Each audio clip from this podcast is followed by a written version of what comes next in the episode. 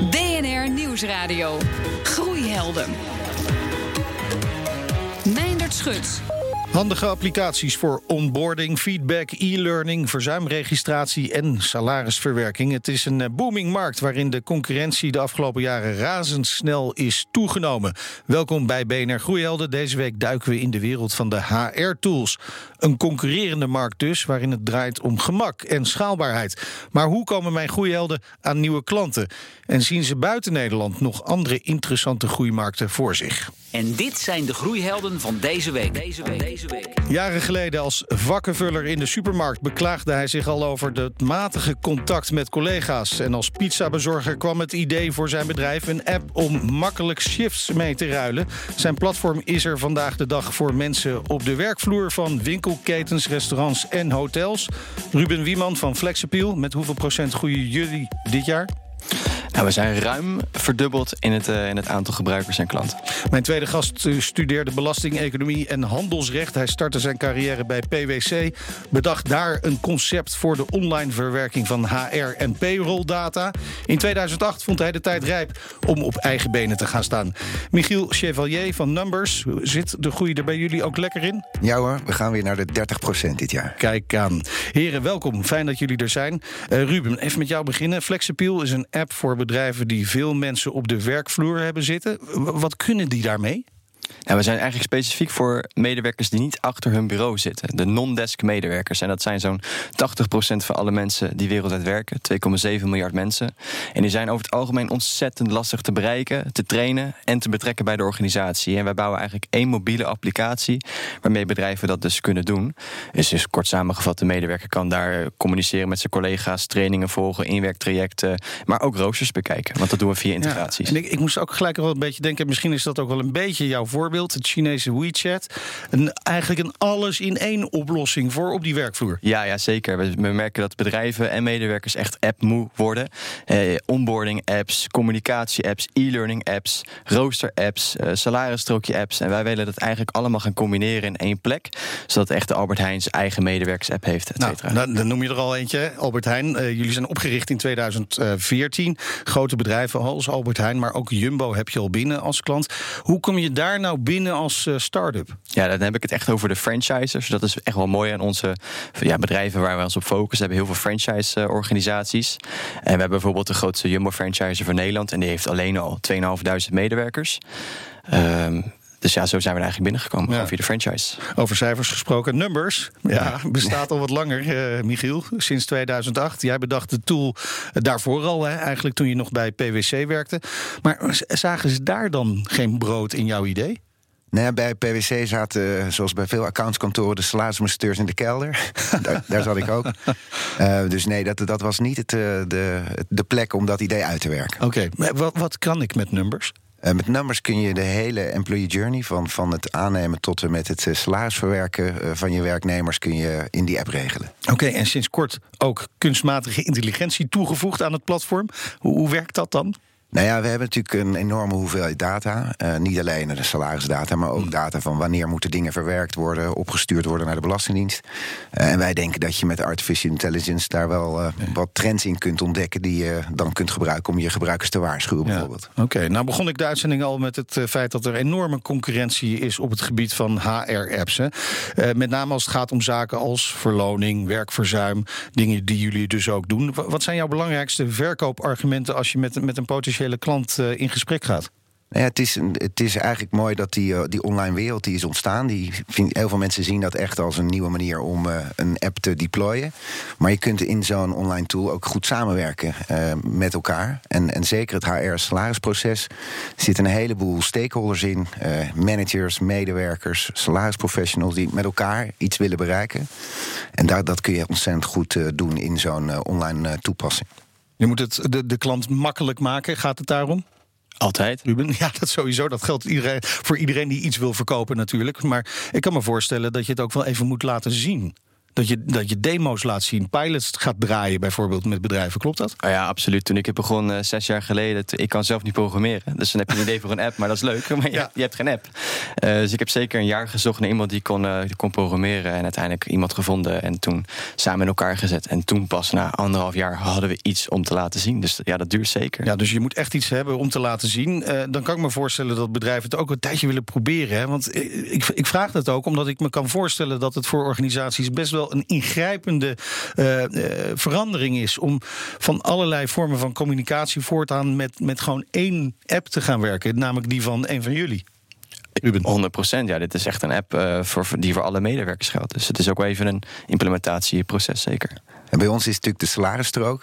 Uh, die moet eigenlijk wel iedere maand goed zijn. Dus overstappen van de ene leverancier naar de andere is niet iets wat je, wat je iedere dag uh, wil doen.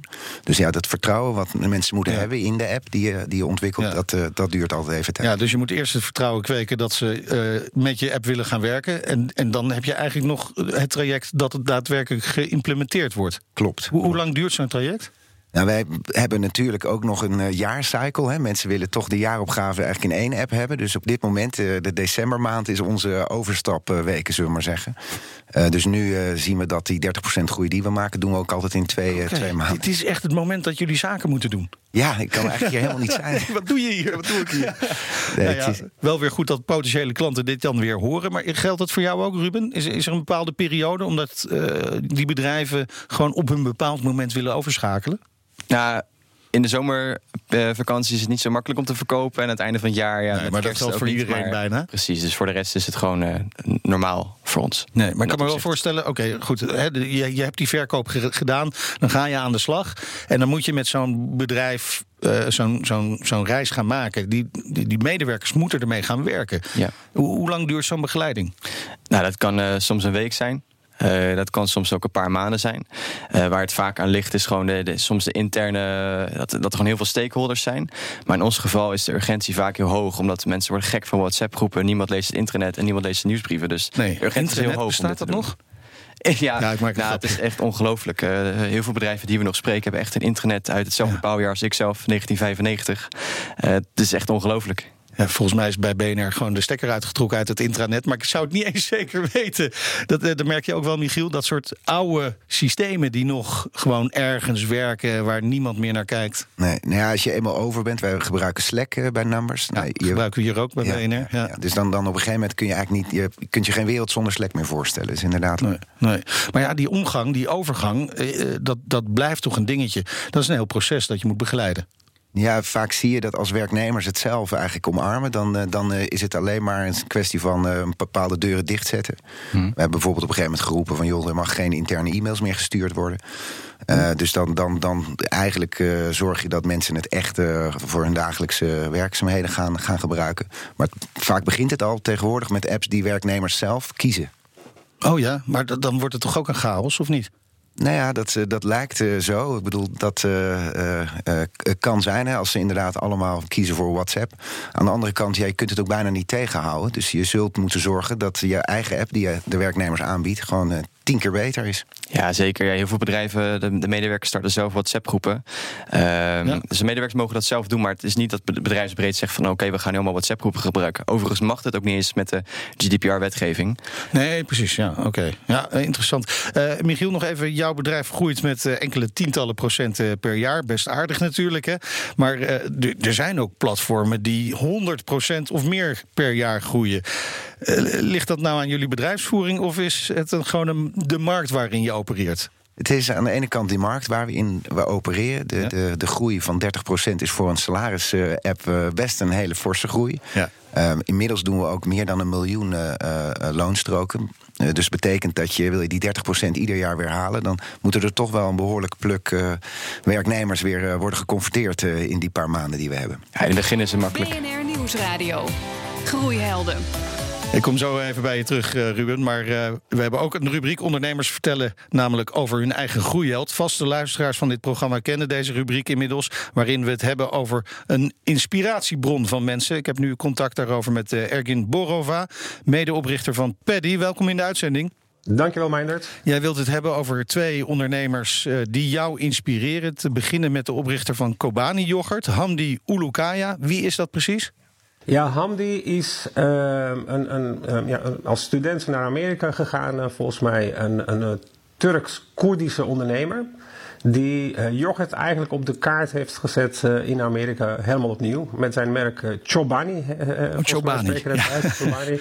Wat een herder betekent. Ah, Oké. Okay. Volgens mij. En, en waarom inspireert hij jou nou? Nou, ik herken me voor een deel in zijn eigen verhaal. Ik ben ook uh, 25 jaar geleden naar Nederland gekomen. Ah, Okay. Uit uh, Noord-Macedonië. Twee keer gevlucht. één keer voor de oorlog en tweede keer voor de, voor de liefde. Dus ik, uh, ja, ik ben nog steeds bij hetzelfde meisje. Ah, mooi. en ook ondernemer geworden om gewoon mijn pad te volgen op de zaken die ik leuk vind om te doen. Dus dat doet hij ook volgens mij. En wat ik ook heel erg leuk vind aan, aan Hamdi is dat... 30% van zijn uh, werknemers uh, maken deel uit de maatschappij. Dat zijn allemaal vluchtelingen die naar Amerika zijn gegaan. Dus hij heeft ook zeg maar zijn roots is hij niet vergeten nadat hij is gaan ondernemen. Integendeel, hij heeft juist geprobeerd daar bijdrage aan te leveren. Kijk aan, kijk aan. En dat doen wij ook met Paddy voor een deel uh, vanuit de developers die we hebben in Noord-Macedonië, die we ook op die manier activeren. Kijk, hartstikke mooi.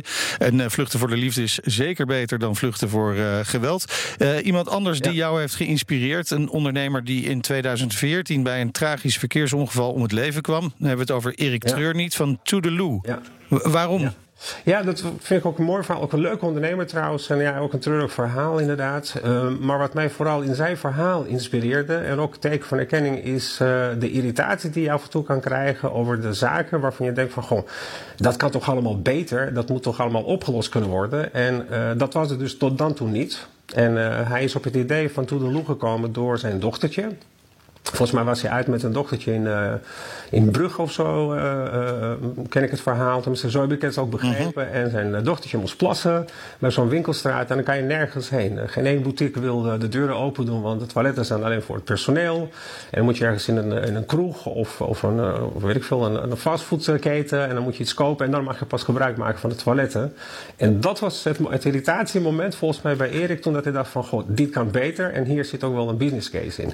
En, en dat is dan ook, ook inspiratie voor jou. Hoe gebruik je die in je, in je eigen bedrijf, Paddy? Nou ja, Paddy is eigenlijk ook uit irritaties ontstaan als ik eerlijk ben. Ik uh, ben twintig jaar leidinggevende geweest bij verschillende bedrijven. En uh, uh, één rode draad in mijn loopbaan was ook een soort ongenoegen wat ik aan het opbouwen was kennelijk rondom de functionerings- en beoordelingsgesprekken. Ja, die vond ik doorgaans saai, eendimensioneel, te instrumenteel ingeschoten, te veel eenrichtingsverkeer. En uit die irritatie en de behoefte om organisaties op een andere manier vorm te geven qua processen rondom medewerkers uh, ben ik met, met uh, Paddy uh, begonnen.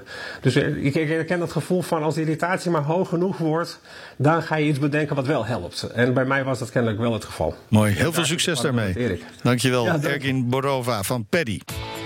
BNR Nieuwsradio. Groeihelden. Zo'n 15 jaar geleden had nog vrijwel niemand ervan gehoord. Maar inmiddels is de branche van HR-tools een echte groeimarkt. Ik praat erover met Ruben Wieman van Flexappeal. En ook de gast is Michiel Chevalier van Numbers. Uh, Ruben, jullie haalden dit jaar nog 8 ton groeigeld op bij informal investeerders CNBB Venture Partners. Hoe ben je dat geld aan het burnen nu? Ja, ja, CNBB is echt, uh, echt onze visie. Uh, dat klopt. Dat is van Arke van Nieuwland, oprichter ja. van, uh, van Exact. Uh, ja, het gaat in eigenlijk van alles en nog wat. Dat gaat in, in product, dat gaat in sales, dat gaat in marketing. Dat gaat erin dat je een wat groter kantoor hebt... om wat mensen daar neer te kunnen zetten natuurlijk. Dus het gaat eigenlijk overal in om gewoon die groei te realiseren. Ja, en die groei die ligt misschien ook wel in het buitenland. Jullie zijn je daar wel voorzichtig op aan het oriënteren of gaat het iets harder dan dat? Ja, we zijn ons aan het oriënteren. We hebben nog geen concrete stappen gezet. Uh, er is voor ons nog heel veel te, te winnen in, in Nederland. Uh, maar ik verwacht echt wel volgend jaar dat we die stap kunnen gaan zetten. Oké, okay, maar weet je al wat de aanpak gaat worden? Mm. Nee, dat weten we nog of niet. Of je wilt er nog niet. niet alles over kwijt. Dat kan ook natuurlijk. Uh, Michiel, jullie zijn sinds een poosje actief in Zweden. Klopt. Waar, waarom juist dat land? Uh, Zweden is, is net als Nederland een land waar de internet behoorlijk uh, grote adoptie heeft. Uh, en we vonden het ook wel een land waar je niet iedere dag nieuwe spelers ziet komen. we hebben bewust bijvoorbeeld om UK heen gelopen. Okay. En, en het was ook een land waar we niet veel klanten hadden. Dus het was iets, Ja, een- ja. een land waar we voorzichtig eens konden proberen of we dit eh, feest ook daar konden gaan vieren. Oké, maar even, dat vond ik interessant. De UK ben je bewust omheen gelopen, want dat is op zich misschien wel een hele interessante markt, maar ook een hele drukke dus. Vrijwel ieder Amerikaanse start-up komt eerst Oh ja. naar de UK voordat ze de rest van Europa gaan. Vanwege de taal waarschijnlijk ook. Klopt. Ja, precies. En nou eh, lijkt Zweden in sommige opzichten ook wel in Ne- op Nederland. Hè. Nederland wordt ook wel het meest zuidelijke Scandinavische land eh, genoemd. Is dat het inderdaad wat, wat je daar dan ook ziet? Dan wordt het wat makkelijker? Ja, dat is zeker makkelijker. De, de, de, de, de culturen lijken ontzettend op elkaar. Zelfs de taal lijkt erg op elkaar. Oh ja? Ja, je kunt, eh, nou, ik kan inmiddels eh, bijna verstaan waar ze het over hebben. Eh, dus dat betekent dat je, dat je inderdaad makkelijker aansluiting vindt. Ja. Ja, ik heb wel eens gemerkt, de krant lezen dat gaat best aardig. Maar het verstaan, dat vind ik echt heel erg lastig. Zeker als ze snel gaan praten. Maar, maar is, is Zweden, want hoe lang zijn jullie daar nou bezig? Is het een testcase voor jullie om te kijken van... nou, misschien is dat een mooie plek om van daaruit andere landen te gaan veroveren? Ja, het, was, het was echt een, voor ons een testcase. Het is, het is zo dat de loonverwerking in ieder land weer helemaal anders is. Eh, de wetgeving die moet daar natuurlijk helemaal in worden geïncorporeerd. Het is eigenlijk nog niemand echt gelukt om in meerdere landen de, een payroll engine aan de praat te krijgen. Oh ja. Dus wij Oh. dachten van laten we inderdaad... Het, Waar begin je eh, aan? Waar begin je aan? Ja, Klopt. Dus laten we dat maar dan gewoon ook als een pilot zien. En eh, het is echt een experiment. Ja, en dat is natuurlijk wel interessant voor eh, dit soort partijen vanuit Europa. En, en, en waarom Amerikanen heel snel kunnen groeien. Want die hebben natuurlijk gewoon één hele grote markt. Waar de regelgeving over het algemeen vrijwel hetzelfde is. Eh, dat, ja, je begint Ja, gelijk te knikken. Jaloers. Ja, toch? Ja, dat is geweldig. Ja, dat, dat, dat merken jullie dus ook wel. Dat maakt de stap eh, om binnen Europa in ieder geval uit te breiden. En buiten Europa best wel lastig is. Ja, er is een groot verschil tussen eh, van Nederland naar Duitsland gaan en van eh, Californië naar Texas, zeg maar. Ja. Ja. Ja. Ja. ja, en als je dan. die- Maar je, moet, je hebt uiteindelijk misschien wel juist die buitenlandse markt nodig om echt, echt groot te worden. Als je echt, echt groot wil worden, ja, dan, zou je, dan heb je meer klanten nodig. En niet heel veel klanten zitten in Nederland. Ja, dan moet je naar het buitenland. Dan moet je naar het buitenland, eh, Michiel. Eh, Zweden, nou, dat, dat loopt nu. Ja. Maar jullie hebben ook een doel 2025. Wil je in 20 landen zitten? Klopt, klopt. Het is een eh, experiment dat we niet doen om alleen Zweden aan de praat Nee. te krijgen. Wij denken dat we in meerdere landen moeten kunnen uitrollen. Ja, dan moet je gas gaan geven, denk ik. Ja, we moeten het experiment goed afmaken. Nee, het- en en we, zullen nog wel een aantal landen doen om meer experimenten nog te doen. Ja. Eh, we zitten nu weer naar de volgende landen te kijken. Oké, en welke landen zijn dat? Ehm, ja, we zijn natuurlijk agile, dus we mogen dat pas echt Oh, eh, ja. beslissen op het moment dat we gaan beginnen. Maar we Ja. kijken nu natuurlijk naar de andere Scandinavische landen als eerste Ja. instantie. Hebben, hebben die dan ook, eh, als je het over regelgeving, een beetje vergelijkbare regelgeving als Zweden? Nou, ieder land, eh, Ieder land is weer helaas weer anders. Ja, maar het lijkt natuurlijk wel qua taal meer op elkaar. Nieuwsradio. Groeihelden. Ondernemers zijn druk en hebben meestal geen tijd om dikke boeken te lezen. Geen nood, we helpen je een handje met inspiratie en handige tips in maar twee minuten. Vandaag komt de groeitip van Gerard ter Velde van Groeivoer. Je bent super gretig. Je bent opgewonden. Je bent gedreven. Je, je staat te stuiteren om te groeien. Je zou het met een niet alledaags woord kunnen noemen groeigeil. Ik herken dat gevoel heel erg vanuit de aller, allereerste begintijd van mijn eigen bedrijf. Ik eh, richtte samen met twee vrienden een bedrijf op dat heette Mijn Student. Nou, we werkten 80 uur per week. We waren super gedreven. We werkten ook in het weekend. Onze vrienden eh, en familie zagen ons nauwelijks. Maar dat kwam allemaal omdat we zo groeigeil waren. We wilden zo graag iets bereiken dat we daar alles voor opofferden. Dat klinkt herkenbaar waarschijnlijk. Maar wat je dan vaak ziet, is dat ondernemers gaandeweg een beetje inkakken. Het nieuwtje raakt eraf. En er zoveel voor moeten opofferen, is dat het wel allemaal waard? Dat is in ieder geval wel wat Gerard zich afvroeg. Nou, vervolgens heb ik ervoor gekozen om wat meer afstand van mijn bedrijf te nemen en iets nieuws te gaan doen. En ja, nu ik dat ben gaan doen, merk ik dat, ja, dat de, de, de op, opwinding weer terug is. En eigenlijk gun ik elke ondernemer dat je bijna elke dag groeigeil bent. Merk je nou dat ook jouw uitdaging een beetje zoek raakt? Dat het vlammetje dooft? Zoek dan actief naar nieuwe uitdagingen. Een leiderschapscursus volgen bijvoorbeeld. Of ervoor zorgen dat je de cijfers in je bedrijf beter leert begrijpen. Wat het ook wordt, als het er maar voor zorgt dat jij die gedrevenheid van het begin weer terugvindt. Want Als je het vuur kwijt bent, heb je echt een probleem.